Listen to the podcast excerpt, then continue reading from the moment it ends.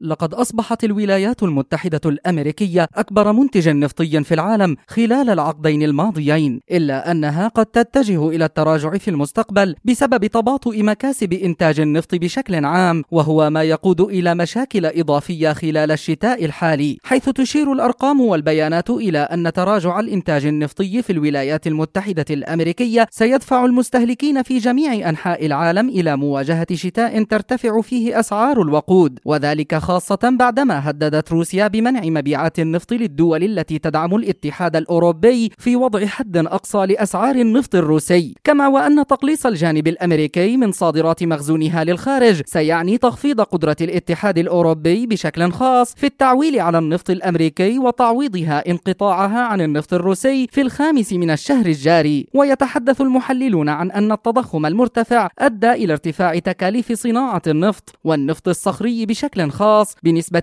20% وهو ما لا يمثل حافزا للمنتجين الأمريكيين لزيادة الإنتاج كما هو المعتاد وهو ما أكد عليه محللو مورغان ستانلي. بل إن النفط الصخري الذي دفع أمريكا إلى صدارة منتجي النفط يبدو أنه لن يستطيع الاستجابة لارتفاع أسعار النفط العالمية نتيجة انخفاض الاستثمار فيه في السنوات الماضية. إلى جانب النقص المستمر في العمالة في هذا المجال المهم حيث قال لين هيلمز مدير إدارة الموارد المعدنية بولاية نورث داكوتا إننا سنذهب إلى 2023 مع نقص خطير في القوى العاملة في هذا المجال. كما يتحدث المحللون عن أن منظمة أوبك وأعضائها سيستعيدون السيطرة على السوق بشكل كبير وأن النفط الصخري الأمريكي لم يعد قادرا على قيادة سوق النفط العالمي خاصة وأن وزارة الطاقة الأمريكية قامت بتخفيض توقعاتها لإنتاج الخام الأمريكي طوال هذا العام بعد زيادات أبطأ من المتوقع في الإنتاج النفطي. مجد النوري لشبكة أجيال